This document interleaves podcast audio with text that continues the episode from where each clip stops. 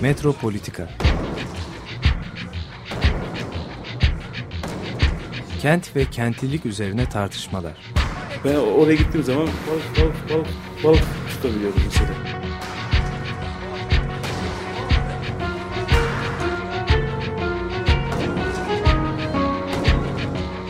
Hazırlayan ve sunanlar Aysim Türkmen ve Deniz Gündoğan İbrişim.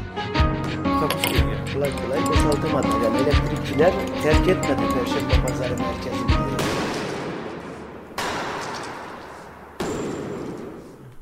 Merhabalar sevgili Açık Radyo dinleyicileri. Sevgili Murat Güvenç'le bir aradayız. Yıllar sonra. Yıllar sonra tekrar bir aradayız. Evet. Evet, e, bugün yıllardır Metropolitika'da neler yaptık, neler konuştuk, neleri dert edindik. Bunlar üzerine Aman. konuşacağız. Evet. Bir mimar, bir antropolog, bir şehir plancı ve bir edebiyatçı bir araya gelirse neler olur? Ee, Korhan Gümüş'le başlamıştık. Pembe Kent Antropoloğu olarak. Ee, Murat Güvenç aramıza katıldı ve daha sonra Deniz Gün- Gündoğan İbrişim'le e, devam ettik. Dinleyicilerimizle birlikte ve destekleyicilerimizle e, birlikte bir sürü mimarı, kent uzmanını, tarihçiyi, küratörü, yazarı, yönetmeni, eleştirmeni, felsefeciyi ağırladık.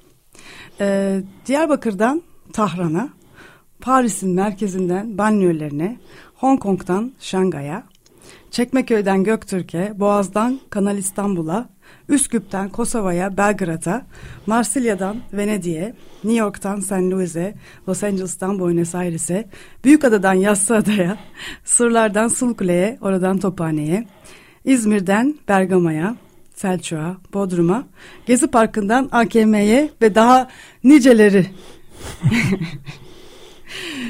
Evet. Yani bu bitirilmesi mümkün değil. Yani e, şey böyle bir uzun listeye e, başlama zorunda hissettiği zaman e, şey Evliya'nın böyle bir taktiği var. Uzun bir liste anlatacaksın. Mesela işte ne bileyim ben Kadıköy'deki veya Üsküdar'daki köşkleri yazacaksa Üsküdar'da çok fazla köşk var. Ondan sonra 4-5 tane yazıyor. Ondan sonra bundan sonrasında insanın sabrı yetmez diyor. Boş ver. yani şehri e, şehri bitirmek, e, şehir e, anlatısını bitirmek mümkün değil.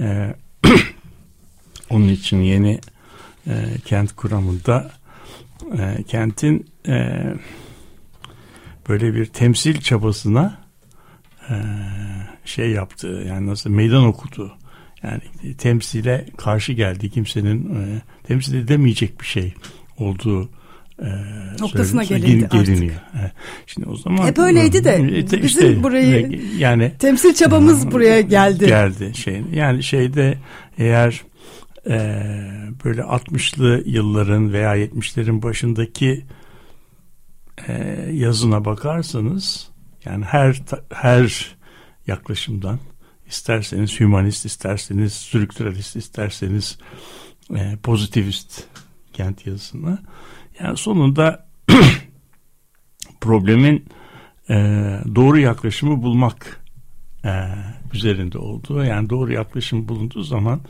e, yani bunu temsil etmenin mümkün olabileceği konusunda bir şey var. E, nasıl diyeyim bir genel bir uzlaşı var. Yani o zaman şeyler e, tartışma daha çok e, Türkçesi tam çıkaramadım ama iyi bilim adamlığı scholarship üzerinde olduğu. Yani iyi antropolog var, daha az iyi antropolog var, iyi coğrafyacı var, daha iyi az iyi coğrafyacı var. Ee, iyi strüktüralist e, kent araştırmacısı var, daha az iyisi var.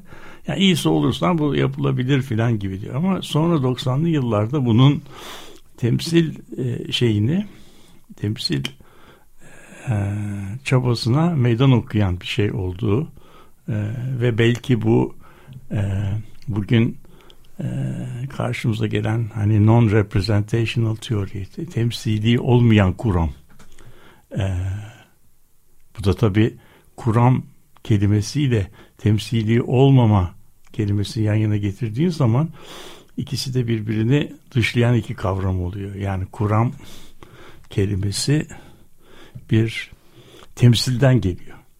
Yani kuram kelimesinin kökleri araştırıldığı zaman işte bu Yunanca teorein e, kavramına gidiyor. O da iyi şey yapılırsa böyle de- deşilirse şey demek oluyor. Yani gerçekliği gerçekliği açığa çıkarmak. Bu teorein kelimesinin içerisinde göz var. Ve o tiyatr kelimesi yani tiyatro kelimesi de gözümüzün önüne getirmekle ilgili bir şey. Yani olmayan bir şeyi gözümüzün önüne getirmek. Kuramda böyle bir şey yapıyor. E Şimdi temsili olmayan bir kuramdan bahsediyorsak yani e, gözümüzün önüne Getiremeyeceğimiz. e, getirilemeyecek bir şeyi gözümüzün önüne getirmek gibi bir şey oluyor. Onun için senin listen biraz uzun oldu. Yani e, daha da uzatılabilirdi ama gene bunun içinden çıkamazdık. Yani o yüzden o yüzden böyle bir şey var. Şimdi 90'lı yıllarda e, sosyoloji e, derslerinde kent köy ayrımıyla başlardık hep. E, böyle e, kenti köyden dolayı tanımlamak, hı. böyle bir kıyasla tanımlama durumumuz vardı. Şimdi e, mesela en azından hani bunu biliyoruz ki hani böyle bir kıyaslamanın artık anlamı hiç kalmadı. Kentin sınırlarının nerede başlayıp nerede bittiğini tanımlamak. O zamanlar da zordu aslında. Ama gene de böyle bir e, temsil hali vardı. Böyle bir çalışma başlangıcı oluyordu. Varsayılıyordu. Ama artık e, yani yönetimsel olarak da bunu programlarda da tartıştık. Yönetimsel olarak bile bu ayrımların anlamı kalmadı. E, her gün e, yeni sınırlar, e, kentin boyutlarının e, yeni tahayyülleri, şu anda e, yeni çeperler, e, nerede başlıyor, nerede bitiyoru her gün tartıştığımız yeni bir mekan tahayyülüne geçiyoruz aslında. Evet. Yani tabii şimdi bunu e, bu e, temsil edilemeyecek şey yok mu demek? yani temsil edemiyoruz ama bu yok demek değil yani temsil. Şimdi bazı şeyleri temsil edemiyoruz ama var. Yani mesela biz üç boyutlu mekanı gözümüzün önüne getirebiliyoruz. 4, 5, 6 boyutlu mekanlardan söz edebiliyoruz. Matematikçiler bunları kullanıyorlar. Ama bunu biz e, 6 boyutlu bir mekanın bir hacmini yapamıyoruz. Yani buna matematikte işte hiperplan diyorlar. Yani çok boyutlu bir mekan. Öyle bir şey var. Ama biz onu e, şey yapamıyoruz. Senin bu kent meselesi konusuna ve bu sınır meselesine e, gelmen çok e, bence güzel oldu. Çünkü mesela şöyle söyleyelim biz e, sen e, 90'lı yıllarda ki e, sosyoloji derslerinden bahsettik. Ben de tabii e, yaş almışların ve Covid'den yırtmışların şeyiyle avantajıyla bunu biraz daha 20 sene önceye götüreyim. Yani biz biz de ODTÜ'de e, sosyoloji dersleri alırken kentin tanımı filan konusunda hiçbir şey yoktu. Yani kuşku yoktu. Biz onu rahat rahat tanım, tanımlıyorduk yani. Çok da rahattı yani. Mesela böyle tekerleme aklımda kalmış bir şey söyleyeyim. O zaman çok sevgili hocamız Mübeccel Kıray hocanın derslerinde işte İngilizcesini çözmeye çalışıyordum. Bir Fransızca bilen İngilizceyi de çıkarmaya çalışan bir hoca, öğrenci olarak. Ondan sonra şey işte kentler tarımsal artık ürünün e, denetim, depolama, pazarlama bilmem e, işlevlerinin yapıldığı bununla ilgili tarımsal olmayan istihdamın şey yapıldığı, yoğunlaştığı, tarımsal olmayan istihdamın yoğunlaştığı yerlerdir filan gibi böyle tanımlarımız vardı. Şimdi burada tabii en e, şahane laf tarımsal artık ürün kavramı. Tabii tarımsal artık ürün denildiği zaman da şu geliyor akla. Yani önce tarımsal artık ürün olacak. Yani tarım olacak. Tarım gelişecek. Artık üretecek. Ondan sonra artıkları bunlar yani bunu ne yapalım diyecekler. Onu bir yere götürecekler. Orada pazarlayacaklar. Ve orada götürdükleri zaman da onları depolayacaklar filan böyle bir şey. Yani mantık olarak baktığın zaman şahane bir şey. Yani bunun aksini söylemek e, mümkün değil yani. Fakat hayat işte böyle oyunlar e, bize oynuyor. Yani çok yakınımızda bir yer var. Oraya biz Al Alacahöyük diyoruz. Çatalhöyük. Alacahöyük değil Çatalhöyük diyoruz. E, Çatalhöyük'te Çatalhöyük 7000 yıla kadar gidiyor. E, 7 bin yıl önce tarım yok. Şimdi ama bu bu tarım olmayan e, dönemde nasıl biz bu şeyi e, bu oluşumu açıklayacağız? E, kaza da diyemiyoruz. E, burada çünkü şeye kıra hiç benzemeyen bir şey var yani bir, bir oluşum var 2000 2500 kişi beraber oturuyorlar ve ürettikleri bir şey var ürün var o da mızrak ucu, bıçak, ayna filan gibi şeyler üretiyorlar. Çünkü orada bir Hasan Dağı var. Hasan Dağı'nın siyah bir taşı var. Çok sert bir taş. Kesilebiliyor. Ondan ayna yapılabiliyor. Bıçak ucu yapılabiliyor. Çeşitli aletler yapılabiliyor. Mızrakların ucuna takılabiliyor filan. Ve bu aletlerde ta Kafkasya'dan bilmem nereye kadar bulunuyor. Yani şey olarak yani Çatalhöyük'ten çıkan şey. Şimdi o zaman bu e, tarım olmadan bunlar bu işi nasıl yapıyorlardı? Yani tarım yoktu.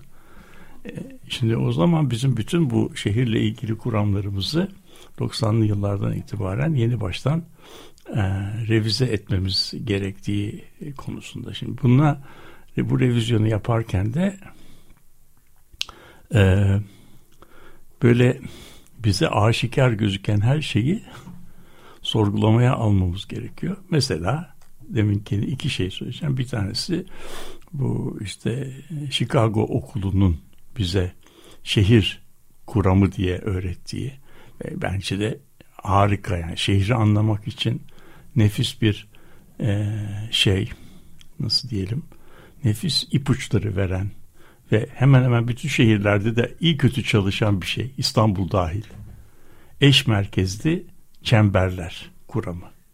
Konsantrik zon kuramı. Çemberler kuramı. Nedir bu yani? Şehri böyle birbirine iç, iç içe üst üste gelmiş olan çemberlerden şey yapar. düşünürler. Çok uzun e,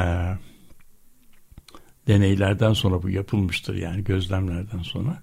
Bunun en içinde yani ağacın en içinde dediğimiz yerde işte bizim şehircilerin, coğrafyacıların merkezi iş alanı dedikleri yer vardır. Merkezi iş alanı yani bankalar, sigortalar yani o merkezi iş alanı MIA. MIA denen şey işte. O şehrin çekirdeğidir. Onun etrafında ise onun etrafında ise Amerikalıların yani geçiş bölgesi dedikleri şey vardır. Bu geçiş bölgesi denen şeyde depolar e, nasıl diyelim e, şey itilmiş kakışların tutunamayan tutunamayanların yaşadıkları oteller yani biraz bizim ağır romanın e, geçtiği Taksim kenarındaki mahalleler Dolapdere e, işte tarihi yarımadada e, Sirkeci'nin etrafındaki Zeyrek işte Cibali filan gibi semtler onun etrafına gittiğin zaman Bekar odaları. Bekar odaları. Süleymaniye. Evet, filan gibi. Onun etrafına gittiğimiz zaman şeyler var. İşte mavi yakalılar var. Onun etrafına gittiğimiz zaman işte apartman bloklarında yaşayabilen orta sınıflar var. Daha da yukarıya doğru gittiğin zaman Amerikan şehrinde işte suburbia dediği Çeperkent. çeperler filan var. Ama bu bu model çok güzel.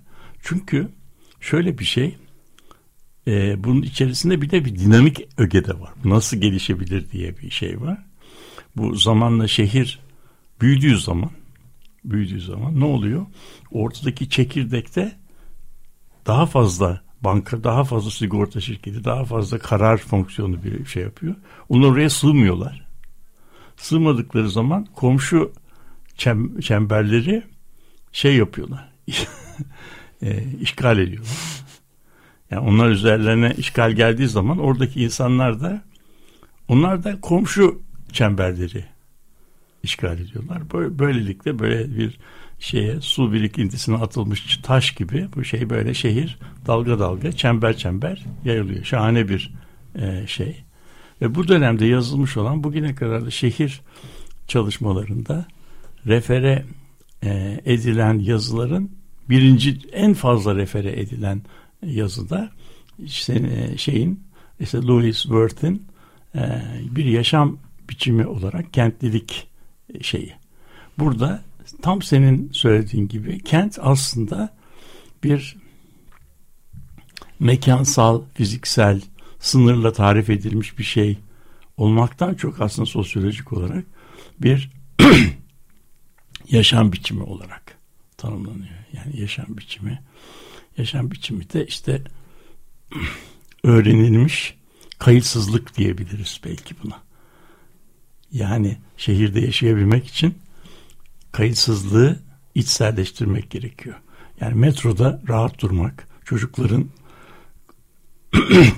kamu alanında zıplamaması, hoplamaması ve işte bu şehrin bize sağladığı bombardımana karşı duracak defans mekanizmalarımız gerekiyor.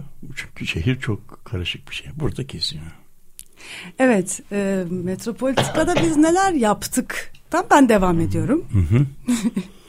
e, tam da bu bahsettiğiniz kentin, e, modern kentin aslında dertleriydi bizim derdimizde. Evet. Dolayısıyla e, özellikle 18. yüzyıldan başlatıyorduk. Yani 17-16'da da modernliğin başlangıcıyla ilgili artık yeni çalışmalar var. Bunlar tartışılıyor ama biz çok az buralara girdik ama biz 18. yüzyıla bayağı bir e, girdik. E, Antik Yunan'a bir iki kere girdik. Biraz Bizans'a girdik ama azdı.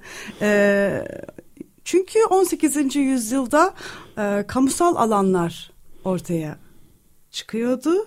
Ee, emperyal yönetimlerin oluşturduğu veya kendiliğinden oluşan e, dünyadaki ticaretin etkileriyle oluşan yeni kamusallar, kamusal alanlar meydana geliyordu.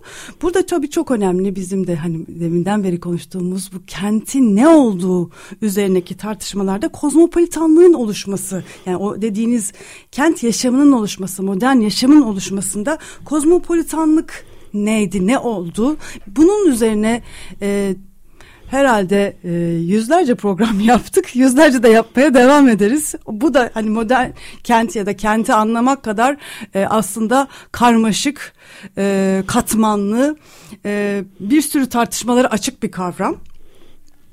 E, modern yaşamlar, kozmopolit tarzlar, modalarla birlikte modern arzuların da ortaya çıktığı e, bir alan olduğu için bu alan aynı zamanda da 18. yüzyıldan itibaren modern kontrol biçimlerinin de e, şekillendiğini, ortaya çıktığını ve bu arzuları da e, farklı şekillerde denetim altına almaya çalıştığını e, anlattık, konuştuk. Şimdi buradan da 19. yüzyıl ki aslında baya bir e, debelendik. E, derdimiz 19. yüzyılda daha e, belirgin hale geliyor çünkü. Yani 18. yüzyılda e, bir şeyler belirmeye başlıyor. Biz bunun e, bu belirtilerini e, kavramaya, anlamlandırmaya çalışıyoruz ama 19. yüzyılda bu artık ortaya çıkmış oluyor. E, bir yandan da e, bu e, ortaya çıkan e, modern dinamiklerle temsil politikalarının yoğrulması e, yeni güç dinamiklerine e, yani modernleşme dediğimiz bir projenin bir defa e, çeşitli e, hegemonik güçler tarafından dayatılmasına da e, sahne olduğu bir devre. Yani bir yandan 18. 17. yüzyıldan itibaren e, kendi kendine oluşmaya başlayan enteresan bir araya gelmeler, karşılaşmalar, yeni oluşumlar ama bir yandan da e, böyle bir proje olarak ortaya çıkmış özellikle 19. yüzyılın ikinci yarısından itibaren modernleşme diye büyük bir e, kavramla büyük bir e, projeyle e, hepimizin e, uğraştığı ve bunun üzerinden de aslında 20. yüzyılda ve hala da devam eden e, kent, kentlilik, kozmopolitanlık tartışmalarının e, yürüdüğünü e, görüyoruz. Şimdi bir sürü temsil oyunları tabii e, konuştuk. E, bu temsilde oryantalizm, işte, işte romantizm, e, nostaljize edilen kent, e, 90'ların İstanbul'u mesela, e, ah ah ah dediğimiz kent. E, bir sürü temsil oyunları, temsil güç dinamikleri e, vardı. E, biz bunlara e, filmlerden de baktık, çizgi romanlardan baktık. E, bazen gazete manşetlerinden baktık, e, haritalardan baktık. Ee, çok yakından baktığımız gibi çok uzaklardan hatta bir yeryüzü olarak bile baktığımız oldu e, mekanlara. Mikrodan makroya çok değişik katmanlarda ve değişik temsil biçimlerinde baktık. E, film Noir'daki Los Angeles'a baktığımız gibi Sherlock Holmes'un Londra'sına baktık mesela. Yeni Türkiye sinemasının İzmir'ine de gittik. E, film müzikleri mekanı nasıl oluşturuyor e, dedik. E, yani mekanı kuran şeyin e, materyal olduğu kadar farklı hissiyatlar, farklı duyumsamalarla da ilgili olduğunu e, konuştuk. E, yeraltının sesi, hip hop'un kenti nasıl e, tasvir ettiğini, kenti kentin ne kadar önemli bir parçası olup onu birebir yansıtmaya ne kadar uğraştığını e, konuştuk. Ve 2000'lere, e, 2000'lerde e, belki de en büyük derdimiz, tartışmamız kentsel dönüşüm neydi? Yani e, bir 20 sene değil mi? Yani e, bugünlerde mesela kentsel dönüşüm o kadar tartışmıyoruz. Hı hı. Ama yani 2005'ten itibaren e, yani ay geçmiyordu ki bir iki kentsel dönüşüm programı yapmayalım değil mi? Yani herkes her yerde bunu konuşuyordu. Kentsel dönüşüm, kentsel dönüşüm. Ee, sizin çok hoş bir e, programda söylediğiniz kent zaten dönüşüyor. evet, evet dönüşüm. yani hakikaten benim için e, bütün her şeyi sarsan cümle oydu. Kent zaten dönüşüyor da bu kentsel dönüşüm şimdi nereden çıktı ve bizi evet. bu kadar niye meşgul ediyor diye. Evet, yani orada tabii Orada şöyle bir şey var. E, kentsel e, süreçler bizim açımızdan bakıldığı zaman e, e, bizim yaşam ritmimize göre yavaş süreçler. Yani kentlerin dönüşüm süreci bizim algılayamayacağımız kadar yavaş oluyor. Ama kent e, ölçeğinde baktığın zaman bunlar çok e, hızlı şeyler. Şimdi ben sana şöyle bir örnek vereyim. Yani bu hızlı ve algılanamayacak kadar yavaş ama çok hızlı. Yani bu çelişkili bir şey söylüyorum. Şimdi İstanbul'un mesela bir yaptığımız araştırmada e, insanlar bak vergilerinin üniversitelerde ne işlerde kullanıldığını görseler o vergileri ödemezler diye korkuyorum. Ee, şey İstanbul'un ağırlık merkezleri nerededir diye 1960'lı yıllardan sonra İstanbul mahallelerinin nüfuslarını düşündük. İstanbul'un ağırlık merkezlerini böyle zaman içerisinde acaba nereden nereye gitmiş bu işte şehir coğrafyacılarının yaptığı bir şeydir. Yani şehirsel büyüme e, örüntüsünü, hızını izlemek, görselleştirmek için böyle bir şey yaparlar. Şimdi bu bu özür dilerim. Bu e, zor bir şey. Çünkü yani bu çok hızlı bir şey değil yani bu e, kentin büyüme süreci. Genellikle e, şehir var olan kent dokusunun üzerine yapılan binalarla filan büyüyor. Yani ve bir mahallede mesela hızlı nüfus artışı dediğin zaman mahallenin nüfusu 100 kişi artıyor, 150 kişi artıyor. Bu çok mahallenin nüfusu artıyor. Ama mahallenin toplam nüfusuna baktığınızda bunlar küçük şeyler, küçük hikayeler. Şimdi biz bu hesapları yaparken bu İstanbul'un en hızlı büyüdüğü 60-90 döneminde 30 yılda ben benim yaptığım hesapta şöyle bir şey gördüm. Kadıköy yakasında bu nüfusun ağırlık merkezi yani Kadıköy nüfusunu yani Kadıköy'deki bütün mahallelerin nüfusunu koysan bir tablonun üzerine neresinden böyle tutsan bu bizim harita dengede durur. Ağırlık merkezi o demek yani. Yani 1960'lı yıllarda nüfus büyük ölçüde bu Rasim Paşa filan civarında. Yani bütün pendikler, gebzeler, mevzeler var ama oralarda o kadar az kişi yaşıyor ki. Yani Kadıköy'deki bu yoğunluk öbür tarafı dengeliyor. Burası anlatabiliyor Şeye baktığın zaman 90 yılındaki duruma baktığın zaman o bizim Rasim Paşa'daki ağırlık merkezi almış başını ta Pendik'e gitmiş. tamam mı? Şimdi bu, bu mesafeyi ölçtüğün zaman bu aslında 9,5-10 kilometrelik filan bir mesafe oluyor. Yani ağırlık merkezi böyle 10 kilometre kaymış. Kaç yılda? 30 yılda. 30 yılda böyle bir 10 kilometre kaymış. Yani ilk başında ya 30 yıl 10 kilometre. 10 kilometreyi ben 2 saatte 3 saatte yürürüm. Yani çok da büyük bir şey olmamış gibi. Ama şimdi bir taraftan şöyle düşündürsen bu değişimin e, şeyini olarak işte bu e, 9 yıllık bir e, 9 kilometre 9 bin metre var. 30 yılda da aşağı yukarı 9 bin gün var.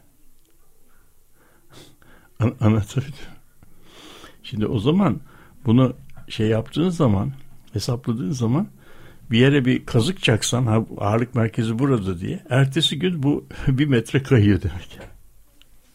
Yani her gün her gün bizim ağırlık merkezimiz bir metre şeye doğru doğuya doğru e, kayıyor.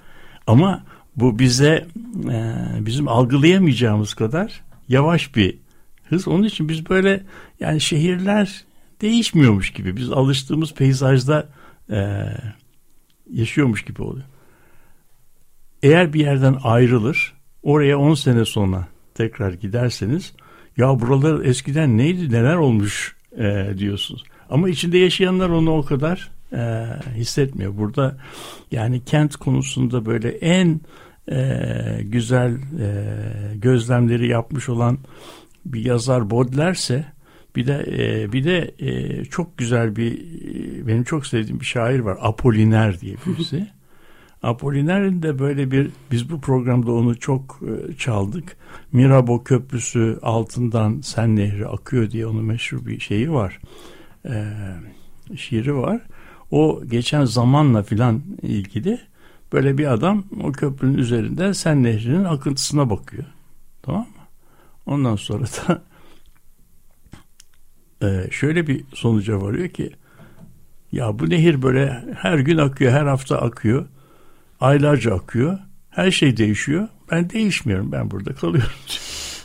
İşte böyle zamanla e, zamanın e, farklı algılama biçimleri, kent zamanı, akan zaman, insan e, şeyini ve bundan daha güzel anlatan, veciz anlatan bir şeyi yani herkes her şey değişiyor. Ben kalıyorum. Yani sen de değişiyorsun.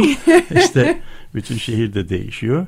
Bizim e, alıştığımız şehir biçimleri de değişiyor. Artık şehirler sınırlarla senin söylediğin gibi sınırlarla tarif edilir şeyler olmaktan çıkıp sınır tarif eden şeyler oluyorlar. Bak bu ikisinin arasında bir şey var. Sınırlarla tarif edilen şeyler olmaktan çıkıyorlar. Kendi sınırlarını tarif eden şeylere dönüşüyorlar. Yani dışarıda bir sınır sınır var. Şehir o sınırla göre tarif olmuyor. Şehrin içerisinde bir dinamikler var. O dinamikler yayılıyor, yayılıyor. Sonunda kırsal olan dediğiniz tırnak içinde yeri de işgal ediyor. Oradaki ilişkileri de dönüştürüyor. Artık köylüler şehirliler gibi konuşmaya başlıyorlar. Yani onlar da faiz hatları, dolar bilmem nesi filan onlardan konuşmaya başlıyorlar. Şehirlilerde başka türlü konuşmaya Onlar başlıyor. da başka şeylerden başlıyorlar. Ama yani sonunda Karışıyor, e, iç onlar, giriyor. onlar da onlar Çok da bir hoş. çeşit, onlar da bir çeşit kentli oluyorlar. Şehirde başka tür dünyalar çıkıyor, kırda başka tür dünyalar çıkıyor. Ee, ve son, ama orada artık şehri tarif eden bir kır kalmıyor. Çünkü kırın kendisi de çok e, farklılaşıyor. Yani ben e, e, geçtiğimiz hafta Ayvalık'taydım. E, işte orada bu zeytin hasadı şenliklerine gitmiştim. Orada köylerde, Ayvalık'ın köylerinde e, belediyenin açtığı violensel kursları var. Kızlar violensel çalıyorlardı, kız çocukları. Yani bu e, şeyin Louis Worth'ın e, hayal bile edemeyeceği kız çocuklarının zeytin ağaçlarının altında violensel e, çalıp konser verdiği e, kurslar filan. Yani şimdi bu tabii e, Kozmopolitanlığı da baştan tadım diyor. Her yer her yer Ayvalık değil. Evet ama Ayvalık da bir yer. evet. Evet, e, bugün e, Cats müzikalinden e, Memory şarkısını e, dinleyeceğiz. Evet bu Ellen Page'den e, Cats müzikalinden e, Memory'yi şey yaptık. bu belki şeyin müzikalin en ünlü şarkılarından bir tanesi. Başka e, sanatçılar tarafından da e, tekrarlanıyor. Ama bence bunu müzikalin içinde değerlendirmek lazım bu e, müzikal. Deminden beri e, böyle şehir şehrin ele gelmez tarafı, sınır tanımaz tarafı filan şey yapıyorsun. Yani bunu bununla uğraşan e, işte bilim adamları olduğu gibi sanatçılar da var. E, şeyde e, 1930'lu yıllarda e, T.S. Eliot da bunu e, bununla uğraşıyor.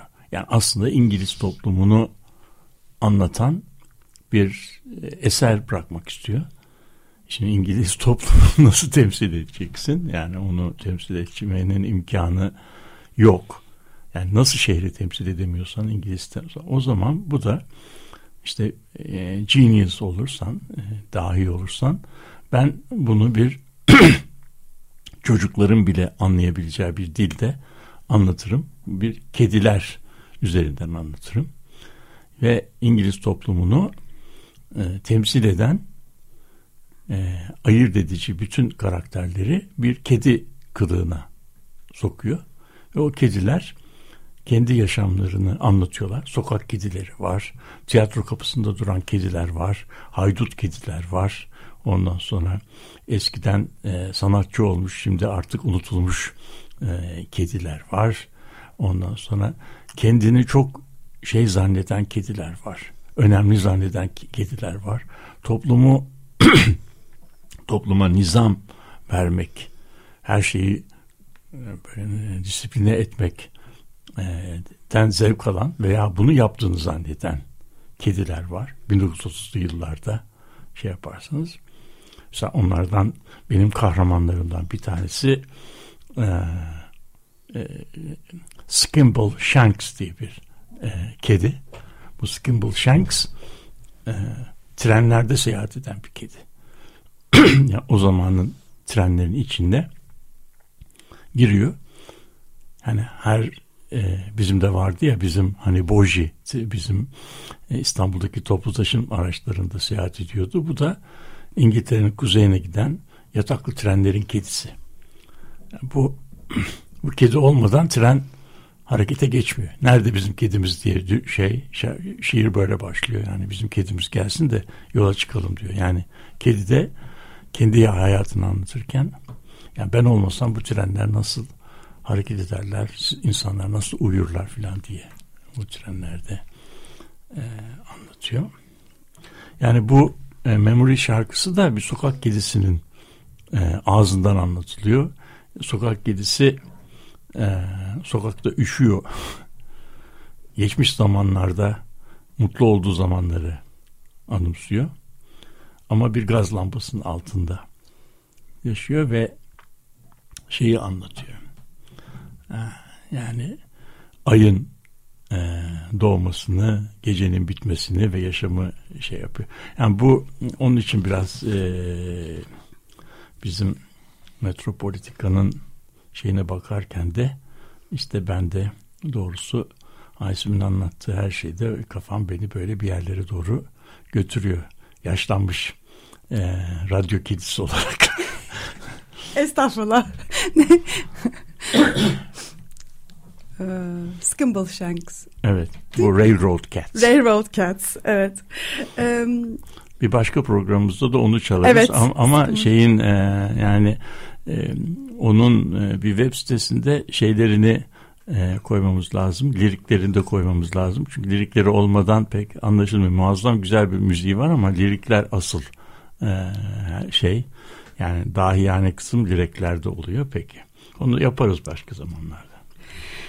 2000'lerin e, en e, can alıcı konusu olarak bizim de e, yüzlerce programda yaptığımız kentsel dönüşüm dedik. Hı hı. E, o kadar yavaş e, yavaş yavaş hissedilen e, dönüşüm 2000'lerde bir anda e, 19. yüzyılın modernleşme projesi gibi tepeden çöktü değil mi üzerimize? Evet. İlk bunu e, sanırım benim de e, Açık Radyo'da Korhan Gümüş'ü e, arayıp bulmama sebep olan e, proje Galata Port projesi ve Galata'daki e, dönüşüm e, haberleriydi ki e, bu yaklaşık 20 sene sonra falan Galata Port o, ortaya çıktı. ortaya çıktı. E, o zaman biz buna soylulaştırma e, projesi e, diyorduk. Soylulaştırma olarak bakıyorduk. E, Galata e, bizim için en önemli meseleydi kent çalışanlar için o aralar. E, benim hayatımdaki bir sürü şey de aslında oradan başlamıştı. E, ancak daha sonra bu o kadar büyüdü ki yani kentsel dönüşüm tartışmaları e, ve biz e, Sulukule'deydik. E, yıllarca Sulukule'deydik. E, onlarca Sulukule programında e, yaptık. Tarihi Yarımada'nın e, dönüştürülmesi üzerine e, çok büyük bir tartışma dönüyordu. E, Ondan sonra Fikirtepe oldu. Tabii çok e, bambaşka e, alana yayıldı. Bütün Türkiye'ye yayıldı. E, şimdi burada e, biz e, bu kentsel dönüşümün e, farklı aktörlerine de hep baktık. Ev sahibi olanlar, olamayanlar. Kiracılar. Kiracılar. Hak sahibi olanlar, olamayanlar. Olamayanlar. Efendim e, ama bunun e, çok farklı aktörlerine de baktık. Mesela çıkmacılardan da bahsettik. Hı hı. E, o dönem küçük sermaye diye hala küçüktü. Yani aslında ilk e, kentsel dönüşüm konuşmaya başladığımızda hala küçük sermayeden bahsediyorduk ama sermaye büyüdü büyüdü büyüdü. E, büyük sermaye aslında artık küçük sermaye e, aktör olmaktan çıktı. Tamamen büyük sermayeye dönüştü ve e, devlet çok önemli bir aktör oldu. TOKİ ile. E, esas en büyük e, oyun kuranlardan bir tanesi olarak TOKİ karşımıza çıktı e, ve e, aslında neredeyse devletleri de aşan uluslararası e, finans ağlarının artık finans e, aktörlerinin artık bütün bu piyasalarda belirleyici hale geldiğini gördük. Kentsel dönüşüm gözümüzün önünde işte tarihi yarımadada Fikirtepe'de e, olurken artık dönüşümler öyle büyüdü ki şehrin dışlarına ta taşmaya başladı. Mega projeler, e, Kanal İstanbul yani e, neoliberal e, kentsel dönüşüm e, küçükten başladı ama öyle bir boyuta geldi ki artık bütün e, hani dünyaların değişmesi e, artık bütün çevrenin baştan yaratılması ve çok büyük çevre sorunlarına sebebiyet vermesi gibi şeylerle gündeme gelmeye başladı. Yani bugün artık e, yani boyutlarını e, görmemizin e, yani tasavvur etmemizin e, ve temsil etmemizin çok zor olduğu bir e, dönüşümden e, bahsediyoruz. Şimdi biz bu e, dönüşüme e, bir yandan e, işte Sulukule'den bir yandan e, işte Ayazma'dan bakarken diğer yandan da Paris'ten de e, bakıyorduk. Paris banyolarındaki dönüşümler, oradaki e, büyük projeler, oradaki küçük ya da büyük projeler, Grand Paris projesi gibi orada da evrilen, gitgide büyüyen e, projeler. E, bütün e, Türkiye'de olan e, dönüşümlere buralardan bakmakta bambaşka boyutlar, bambaşka kıyaslama imkanları e, bize veriyordu. Bir yandan işte e, Paris banyolarına bakarken diğer yandan Latin Amerika'daki gece kondu siyasetine de e, bakmak, oradaki dönüşümlere de bakmak gerçekten e, bir yandan ne kadar benzerlikler olduğunu fark etmek, diğer yandan e, farklılıkları ve özgünlükleri ortaya çıkartıp buradan e, sorunlara e, yeniden bakabilme imkanı gördük. Benim için önemli olan enteresan bir şey oldu. Yani bütün bu e, kentsel dönüşümle beraber mega e, e, organizasyonların nasıl iç içe olduğunu görmek dünyada. Yani bir yandan işte e, olimpiyatlar dedikten sonra e, işte e, Ayazma'da İstanbul Olimpiyatları da yani sadece tartışılırken Ayazma'da büyük dönüşüm oluyordu. Aynı şey Londra'da, Paris'te oralarda olimpiyatlar gerçekleştiği için çok büyük e, yani büyük bir Doğu e, Londra'nın dönüşümü gibi büyük büyük projeler oldu. E, bu bu ya olimpiyatlar daha e, kendileri gerçekleşmeden oluşan bu projelerle de e, kent isyanları aslında gördük. Hem e, Londra'da e, Paris'te, Atina'da yani bu olimpiyatlarla bu kent isyanlarının nasıl paralel olduğunu e, yani aralarında 3-5 senenin olduğunu gördüğüm zaman e, yani neredeyse artık e, bekliyordum. Hani olimpiyat tartışması bir kentte gel, geldiğinde bakalım isyanlar e, buradaki sorunlar, kent sorunları ne halde sokaklara dökülecek, ne şekilde yansıyacak diye. Yani bu e, bu kent ayaklanmaları yol açan bütün bu mega projeler neoliberal kentin e, farklı dinamiklerini bize e, yansıtıyordu. Tam da burada e, biz de enteresan e, hani bir bakış açısıyla kentsel yurttaşlığı da konuştuk. Mert Aslan Alp'in e, bize katkısıyla e, konuğumuz. E, kentsel yurttaşlıktan düşünmeye başlamak. Yani e, herhangi bir e, kimliğimizi, bir varoluş biçimimizi artık kentten almaya başladığımız bir döneme geçildi bütün dünyada. Bu da çok hmm. özgün e, aslında bir belki de e, yani milliyetçiliğe e, 150 yıldır, 200 yıldır e, kendimizi tanımlayan en önemli e, e, hegemonik güce alternatif başka bir tahayyülün oluştuğunu, kentten dolayı oluştuğunu da bize gösteriyordu. Evet.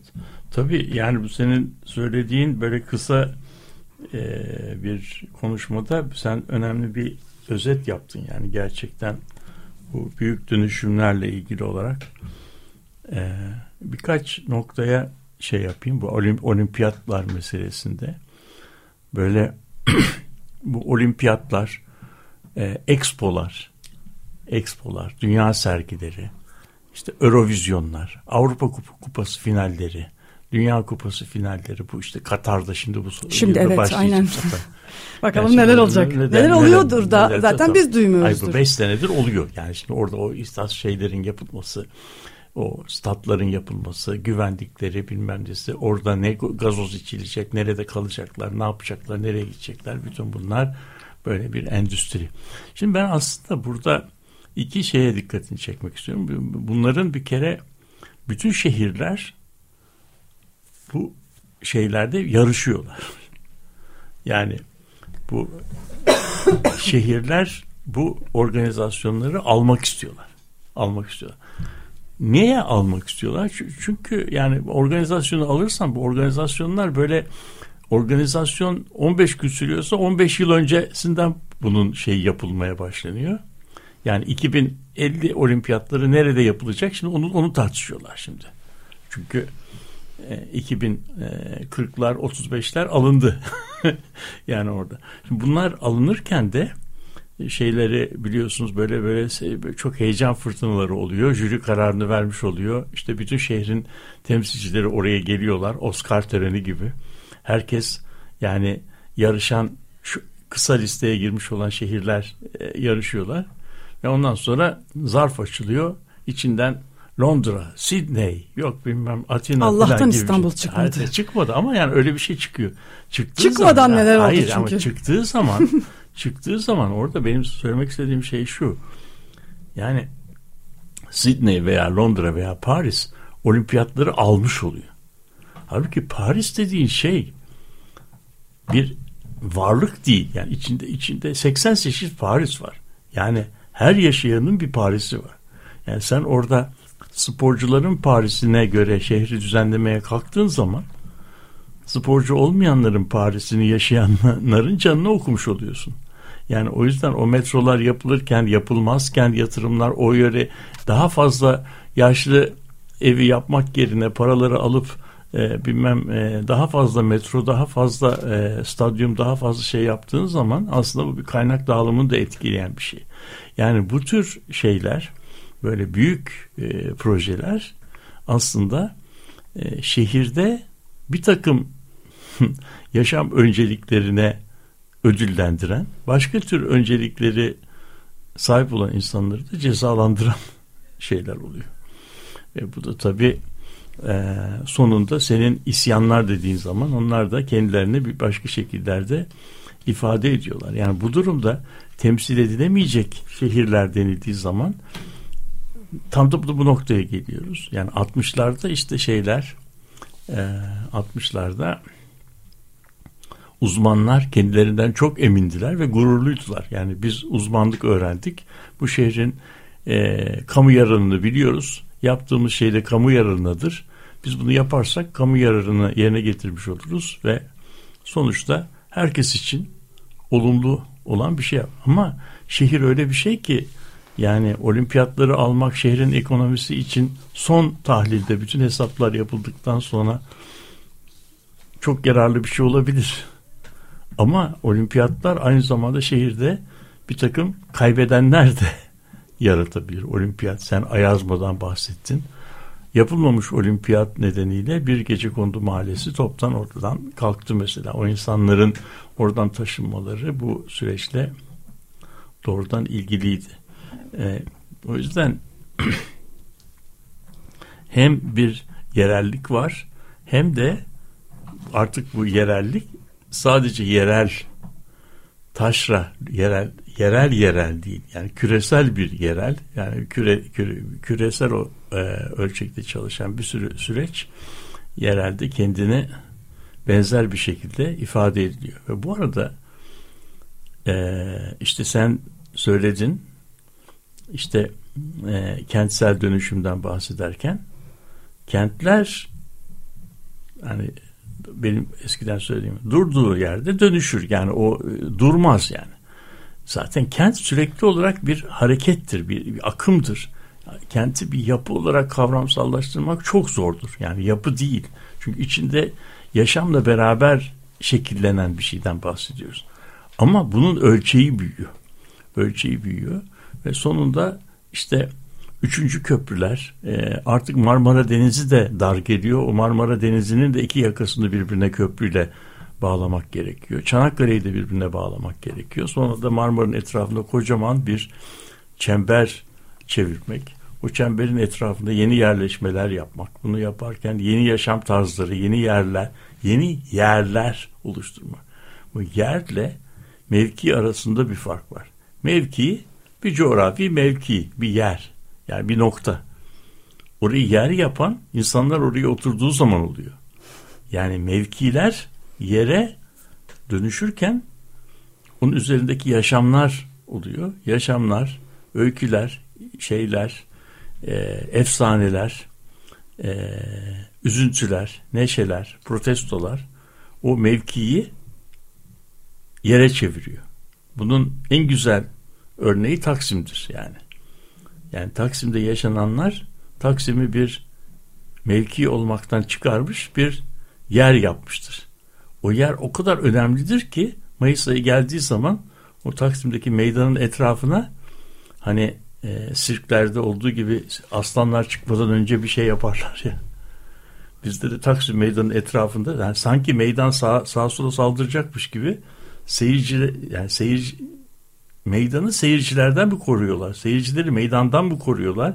Boş boş meydan öylemesine e, korunuyor. Yani bu bu işte e, senin söylediğin yeni yerler oluşuyor. Yeni ölçekler oluşuyor ve bunlar olurken de aslında yerlerle ilgili eski müdahale biçimlerimizin de yeni baştan gözden geçirmesi gerekiyor. Yani politik duruşlarımızın da bu ölçeklere göre yeni baştan tanımlanması gerekiyor. Bütün bunun içinde e, bu programda bizim hani mekanların tarihle ilişkisini e, farklı farklı yerlerden e, ele aldık. E, Korhan Gümüş'ün e, bu e, kültürel miras üzerine olan tartışmaları e, gündeme getirmesi çok önemliydi. E, Büyükada'daki yetimhane binası, Büyükada'daki e, bu bina üzerine çok uzun süreler e, düşündük, konuştuk. Aa, yani bir şekilde bir yandan sizin bahsettiğiniz gibi tarihin içindeki dinamiklerle yerin olması, diğer yandan ne Osmanlı kentin inşası gibi yukarıdan tepeden inme tarihi e, vurguları yapmaya çalışmak mekanların üzerine. E, bir yandan başka bir yandan de müzeler kurmak işte e, kentin bazı dinamiklerini bir yerlerde sabitleştirmek ya da bu müzelerde yeni biçimde bu tarihi sergilemeye çalışmak. Bütün bunlar e, kentin zaman ve mekanla ilişki, e, kentin zaman ve tarih içindeki ilişkilerini ortaya çıkarmak için bizim için çok enteresan e, bakış açıları e, sundu. Şimdi programımızın gerçekten bu sefer en sonuna geliyoruz. Evet. Metropolitika burada e, bitiyor. E, derdimiz e, benim derdim şöyleydi. Gündelik hayatımızı, e, mekanları geçirdiğimiz gündelik hayatımızın nasıl bir politik alan olduğu hep. Hmm. Yani e, materyal sorunlarımızın nasıl politikleştirebileceğimizin yollarını aramaktı mekanlardan e, dolayı ve bunu yapmama imkan verdi Metropolitika. E, bir sonraki programda başka bir e, formatla. formatla başka bir isimle e, bir arada olacağız. Murat Güvenç ve Deniz Gündoğan İbrişim'le. Evet